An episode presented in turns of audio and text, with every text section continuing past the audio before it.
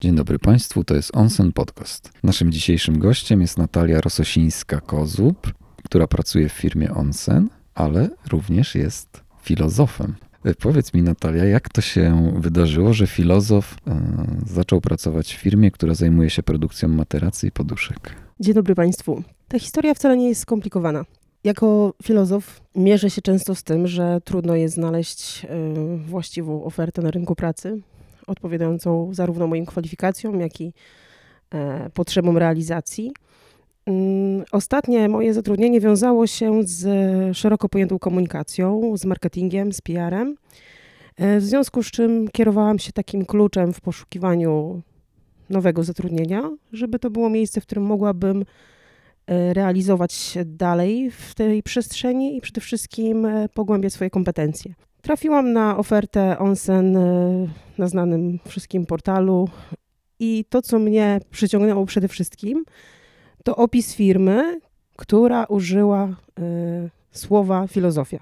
To słowo wiele osób zniechęca i powoduje, że nie czytają dalej, ale jest takie grono, być może niewielkie grono osób, dla którego to słowo jest przyciągające, jest magiczne. Ja należę do tego grona. Gdy przeczytałam o tym, że firma inspiruje się em, filozofią e, Simona Sineka i Seta Godina, filozofią używaną do szeroko pojętego marketingu i myśleniu o biznesie, mm, i zagłębiłam się e, w te teorie, w takim stopniu na początku minimalnym, postanowiłam, że wyślę swoje CV do tej firmy i spróbuję.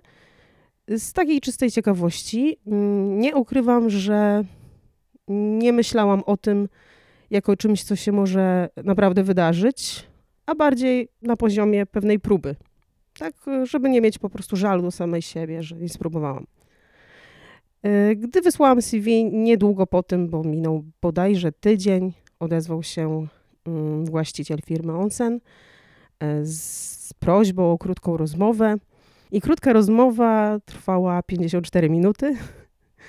E, Była przesympatyczną i bogatą e, treściowo e, rozmową. Mm, Dawno nie rozmawiałam tak z człowiekiem, którego pierwszy raz słyszałam w życiu.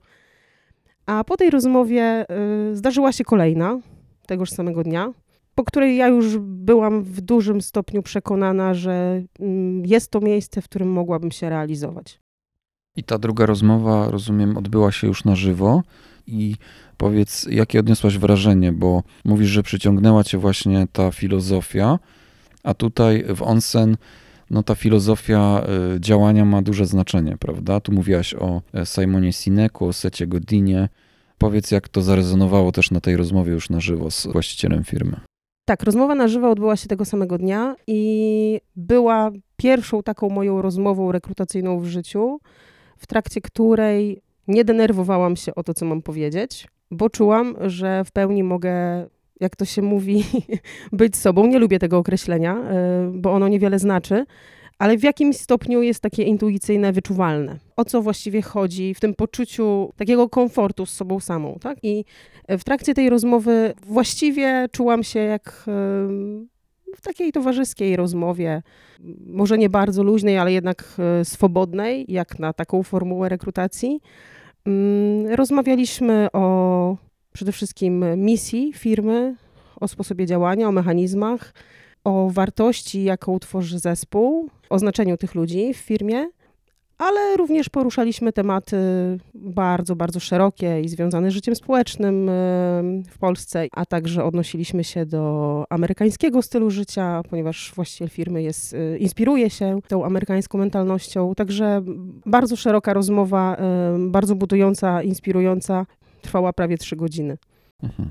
Czyli e, to była dobra rozmowa z tego, co mówisz i też chyba zaskakująca, prawda? Tak, jeśli chodzi o taką formułę e, no, rekrutacyjną.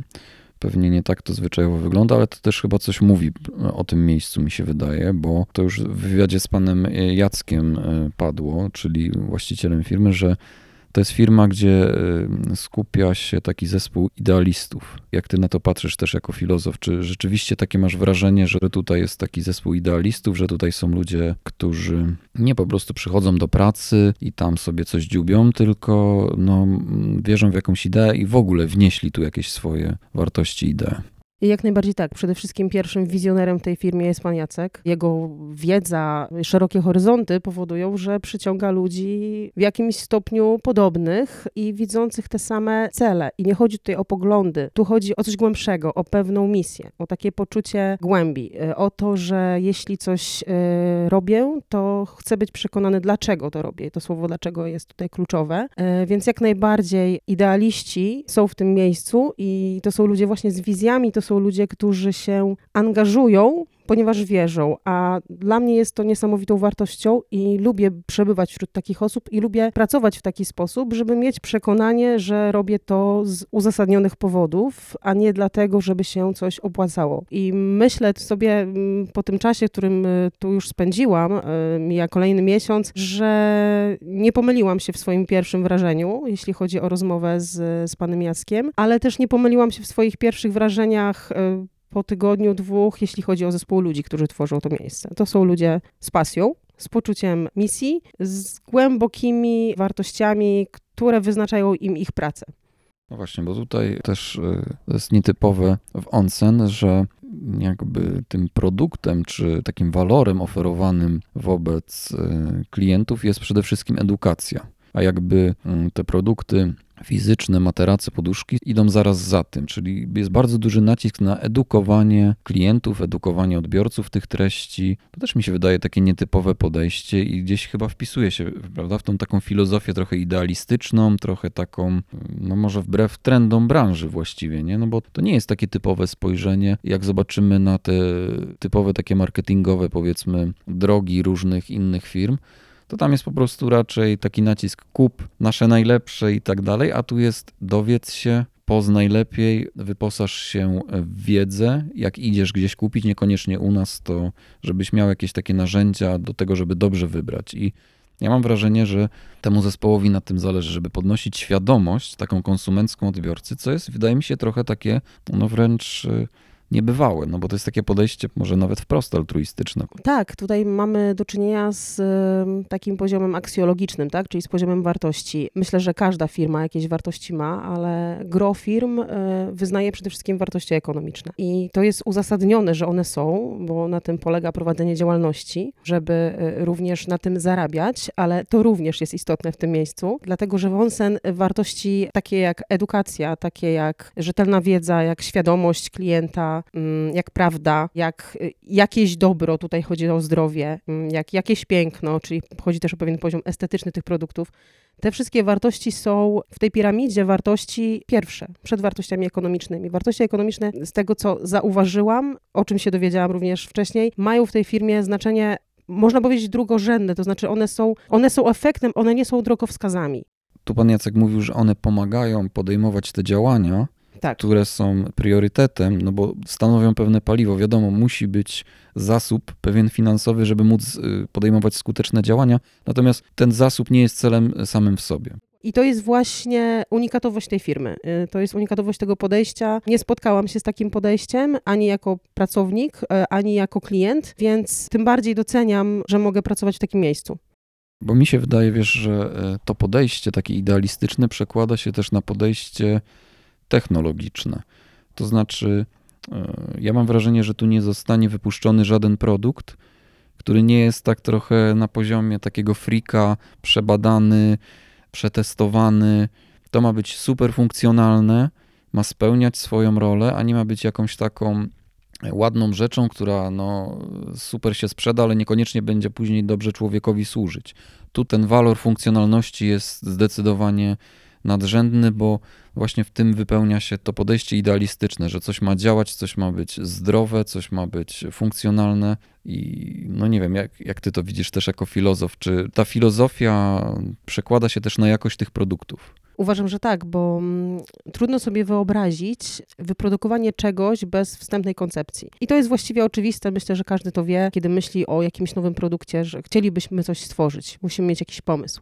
Różnica polega na tym, jak bardzo w ten pomysł wchodzimy. I tutaj to podejście idealistyczne, czyli wyjście od idei jest bardzo istotne i jest właściwie kluczowe, bo to idee są takimi prawzorcami, tak? To jest coś takiego idealnego, doskonałego, do czego chcemy dążyć. Żeby stworzyć coś dobrego, trzeba wyjść od jakiejś koncepcji, która jest na najwyższym poziomie doskonałości w naszej głowie. Oczywiście mówimy o pewnej abstrakcji, tak? Na tym polega zresztą też filozofia idealizmu. I tym bardziej doceniam to, że to jest realizowane w tym miejscu. Znaczy wychodzimy od pewnych idei i te koncepcje przenosimy na rzeczywistość, przenosimy do rzeczywistości. Yy, wiadomo, że rzeczywistość jest odbiciem tychże idei niedoskonałym w pewnym sensie, nigdy nie odtworzymy tego, co mamy e, w naszej głowie jako mm, pewną koncepcję, jako, jako pewien abstrakcyjny byt. Natomiast jeśli wyjdziemy od czegoś z najwyższej półki, z najwyższego poziomu, to możemy odrobinę niżej tylko zejść. A jeśli nie wychodzimy od tychże idei, tylko zaczynamy od takiej rzeczywistości namacalnej, to już właściwie z góry e, skazujemy się na to, że ten produkt będzie gorszy. Więc e, ja doceniam idealistyczne podejście jako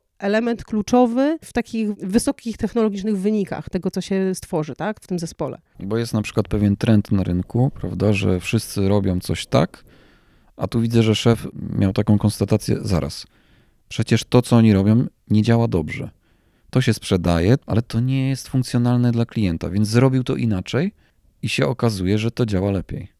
Mimo, że zaryzykował, prawda, no pójście wbrew pewnemu trendowi, który został wykreowany, E, marketingowo na rynku i dobrze się to sprzedaje, zrobił to inaczej, no, bo wierzy w pewną ideę, tak? I, I to mi się wydaje takie niezwykłe, no bo chyba większość, e, większość ludzi by powiedziała, no nie, no jak się dobrze na tym zarabia, to po co to ruszać, nie? Po co naruszać to status quo? Lepiej niech to sobie tam się dobrze sprzedaje i, i nam się to jakoś tam buja, nie? Ale jednak, no jak ma się takie podejście bardziej idealistyczne, no to zawsze będzie to człowieka gdzieś tam w środku gryzło, że kurczę, no przecież to ma być funkcjonalne, to ma służyć człowiekowi. Ale świetnie to ująłeś, bo kilkukrotnie użyłeś słowa się. To bardzo istotne. E, dlaczego?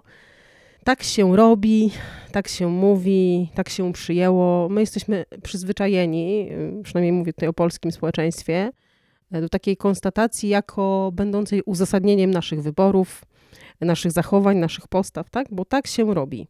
E, tylko czym jest to się? I tutaj, żeby wyjść poza ten paradygmat się, który jest bardzo niebezpieczny, to trzeba odwagi.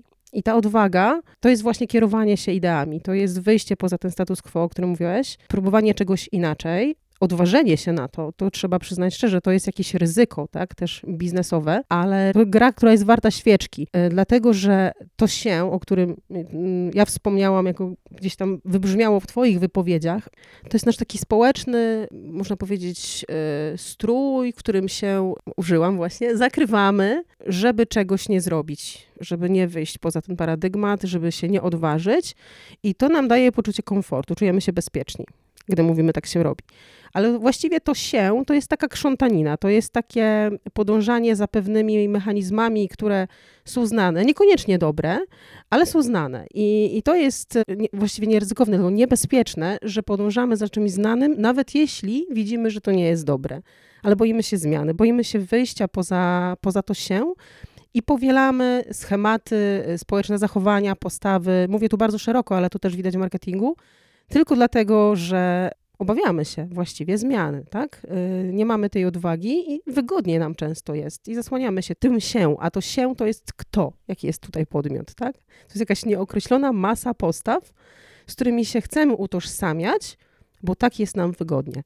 No właśnie, bo to też y, oznacza pewien taki konformizm, czy biznesowy, czy społeczny, a tam, gdzie są idealiści, tam jest nonkonformizm, czyli takie często pod prąd, prawda? Taka postawa, zburzę ten schemat, pójdę pod prąd, zrobię coś inaczej, ale też przez to często taka postawa powoduje, że wyznacza się pewne nowe ścieżki, nowe trendy, no bo to idealiści wyznaczają takie nowe trendy. To tacy ludzie jak, nie wiem, Steve Jobs, prawda? Kiedyś powiedzieli, kurczę, to można robić inaczej. Ja mam na to inną wizję. Na początku ktoś tam się może podśmiewał, ktoś deprecjonował, a później się okazało, że wszyscy chcieli go naśladować. Dokładnie, to podejście idealistyczne też jest siłą napędową rozwoju, tak? Bo jeśli nie wyjdziemy poza schemat i będziemy mm, podążali tymi utartymi ścieżkami, to co ma się zmienić? Właściwie nic się nie zmieni, dopóki będziemy cały czas y, w tym paradygmacie robienia, bo tak się robi. Więc idealizm jest taką obietnicą, można powiedzieć, i w jakimś stopniu zapewnieniem tego, że coś się zadzieje inaczej. Przepraszam, że teraz użyłam tego sformułowania, ale że zrobimy coś inaczej, że zrobimy coś nowego, że doprowadzimy do rozwoju tak, w jakiejś materii. Więc y, to też jest y, wartość takiego myślenia idealistycznego, które powoduje po prostu rozwój. Rozwój produktów, rozwój myślenia, rozwój postaw. E, no i ten rozwój powoduje, że te produkty stają się coraz bardziej funkcjonalne, no bo jeżeli nie ma odważnego, który się zdecyduje podważyć ten status quo, no to zawsze stoimy w miejscu. Nigdy by nie wymyślono, nie wiem, jakiegoś nowego sposobu napędu w samochodzie, tylko byśmy zostali przy tym, co było, sprawdzało się i zostalibyśmy gdzieś w przeszłości. A tutaj mi się też podoba takie podejście, że kurczę, coś jest już dobre, ale zawsze jest to poszukiwanie, a może jeszcze coś możemy zrobić jeszcze lepiej, nie? Że jest cały czas to takie poszukiwanie nowych rozwiązań, bo wiadomo, też pojawiają się nowe na rynku technologie. Jest y, technologia tej pianki Visco, która urodziła się gdzieś tam przy okazji programu y, kosmicznego, mm, bodajże w latach 60., z tego co pamiętam. Natomiast y, marketingowo się tak ludzie tego uczepili, że do dzisiaj na tym jadą. No chwileczkę, od tamtego czasu minęło już dobre 70 lat, prawda? Więc jakby postęp technologiczny też e, spowodował, że no są inne możliwości, ale też e, nasze umysły są inne. Dzisiaj się mówi, że człowiek to już nie jest homo sapiens, tylko to jest taki człowiek technologiczny, prawda? Ten rozwój internetu i ten przepływ informacji, który jest na zupełnie innym poziomie jeszcze niż, nie wiem, 20-30 lat temu, spowodował, że nasze umysły działają inaczej. Ta świadomość zbiorowa powoduje, że no już nie ma usprawiedliwienia dlatego, żeby siedzieć w tej takiej bezpiecznej jaskini i tam nie wyściubiać nosa. Nie? Ta odwaga wręcz jest pożądana w dzisiejszych czasach i tutaj mam wrażenie, że ludzie tą odwagę mają. Mają odwagę, żeby robić funkcjonalne produkty nawet wbrew trendom rynkowym. Wbrew trendom rynkowym, dokładnie, ale też pomimo tych trendów i pomimo konkurencji. I to jest to, o czym e, mówi właśnie Simon Sinek, tak zwanej niekończącej się grze, tak? Że tutaj my traktujemy siebie nie jako jedną z wielu firm, która walczy o klienta, absolutnie nie ma takiego podejścia, tylko jako miejsce, jako zespół ludzi, którzy szukają jeszcze lepszych rozwiązań, którzy szukają udoskonaleń, którzy chcą zrobić coś jeszcze lepiej, którzy chcą poprawić pewne funkcjonalności, którzy wiedzą, że ta gra się nie kończy i ona nie jest o jakąś statuetkę i ona nie jest o wynik, ale ona jest o jak najlepszy, jak najbardziej funkcjonalny produkt. Y, I ten cel właściwie jest cały czas przesuwany. Ta ścieżka nie ma kresu. Tak, rozwój technologiczny, trudno sobie nam wyobrazić, y, gdzie się zatrzyma, ale pamiętam takie swoje różne refleksje przy oglądaniu filmów, różnych filmów science fiction, które kreśliły wizję przyszłości, właściwie takie wydawałoby się niemożliwe do realizacji, a to się już teraz dzieje, tak? Więc nasza wyobraźnia, biorąc pod uwagę to, jak szybki jest rozwój technologiczny, nie może się zatrzymać. Właściwie nie ma takiego punktu zaczepienia, że można byłoby pomyśleć, to tu, tu się skończy. Nie ma, tak? Technologia jest y, właściwie nie do ogarnięcia naszym umysłem, jej postęp trudno nam sobie wyobrazić, gdzie to jeszcze dojdzie. I w tym sensie, w tym miejscu, w tej firmie też nie chcemy sobie wyobrażać końca, tego kresu, do którego mamy dojść, tego celu, tego punktu, tylko myślimy w takiej kategorii niekończącego się rozwijania, ciągłego um, doskonalenia, tak? Y, polepszania swoich kompetencji i polepszania swoich produktów i ich funkcjonalności. Czyli ta niekończąca się gra, to Infinity Game, jest takim e, właściwie ściganiem się z samym sobą, prawda? Bardziej niż z konkurencją, no bo tu chodzi właściwie o ciągłe udoskonalanie, o ciągłą taką, mm, może nie pogoń, ale progres że mam pewien w głowie cel. Tym celem jest najlepsza funkcjonalność, i jeżeli tylko e, dostrzegam jakieś elementy w przestrzeni, nie wiem, pojawia się jakaś nowa technologia w dziedzinie chemii czy w innych dziedzinach, które wspomagają te produkty, pojawia się coś, co można wykorzystać, działam. I zawsze się ta poprzeczka na tym takim polu jakiejś takiej gradacji tej funkcjonalności zawsze może się tro, troszkę podnieść w górę, mimo że ten produkt jest już nie wiem, naprawdę super, to jeszcze go, jeszcze go próbujemy. Tak jak ten tyczkarz, był taki kiedyś skoczek, pamiętam, e, chyba on się nazywał Siergiej Bubka i on tak zawsze o kilka centymetrów te rekordy poprawiał. Konkurencja już była w ogóle e, zdeklasowana, a on i tak co roku o ten centymetr czy pół centymetra na kolejnych zawodach skakał wyżej. Nie? I to mi się tak skojarzyło, że to jest podobny proces. To jest proces samorozwoju, tak? czyli skupienie się przede wszystkim na tym, co my robimy w tym miejscu, co chcemy zrobić, jaki chcemy produkt dostarczyć klientowi, jak bardzo funkcjonalny, ale przede wszystkim nieustannie chcemy dostarczać mu wiedzy, żeby umiał y, świadomie podejmować decyzje. Te decyzje mogą być różne, ale żeby był ten punkt wyjściowy w postaci wiedzy. Ciężko o świadomą decyzję, kiedy nie ma się podstawowych informacji na temat różnych produktów, mechanizmów działania danych produktów, więc y, takim punktem wyjścia w onsen jest dostarczenie rozsądnym ludziom rzetelnej wiedzy, żeby mogli na tej podstawie podejmować świadome decyzje, decydować po prostu samemu o tym, co chcą wybrać w trosce o swój komfort, o swoje zdrowie, o swoje mm, dobre samopoczucie, o taki ogólny dobrostan, który wiąże się również z procesem y, snu. I w takim rozliczeniu krótkim faktycznie pewnie nie będzie jakichś większych reperkusji ze strony naszego zdrowia, natomiast w szerszej skali, w takiej dłuższej perspektywie bardzo istotne jest to, żeby dbać o,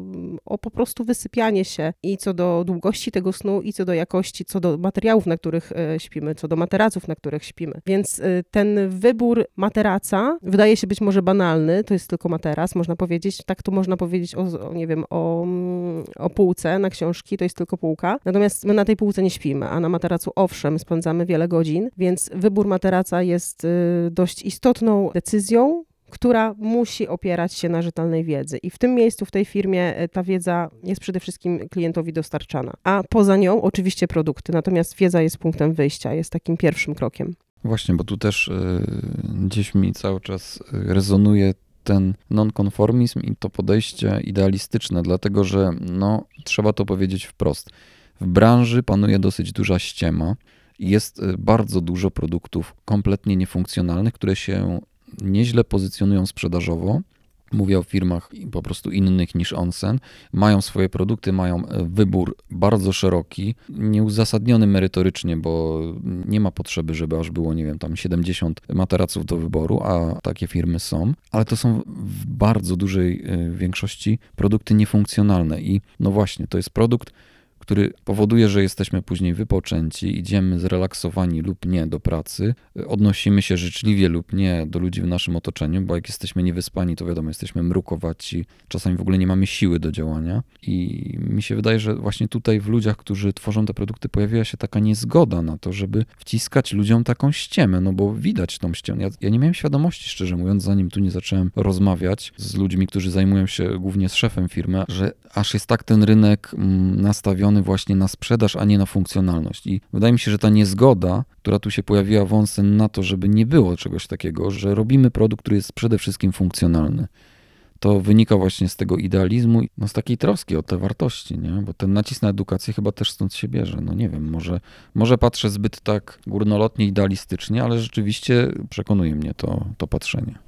Ja przyznam, że również dotychczas nie byłam świadoma, jak dużo manipulacji jest w tej branży. I zaczynam się zastanawiać, czy równie dużo jest ich w innych branżach, o czym też nie wiem. Jeśli chodzi o branżę materacową, mam już pewną wiedzę zdobytą w tym miejscu i umiem y, dostrzec, że panuje w niej totalny komunikacyjny chaos, który służy sprzedawcom, może to trzeba podkreślić, nieuczciwym sprzedawcom i nieuczciwym producentom, dlatego że jeśli jesteśmy w takim e, zamieszaniu informacyjnym, właściwie nie wiemy, co wybrać, nie wiemy, kogo słuchać, nie ma żadnego autorytetu. E, czujemy się zagubieni jako klienci i, podejmujemy te decyzje z różnych powodów. E, czasami to jest jakaś intuicja, czasami to jest przebłysk chwili, czasami jest to jakieś poczucie winy, że zajęliśmy sprzedawcy trochę czasu już w tym salonie i tyle nam naopowiadał, a my dalej nie umiemy się zdecydować, więc coś trzeba w końcu wybrać i wyjść z jakimś materacem i dać już spokój i jemu, i sobie.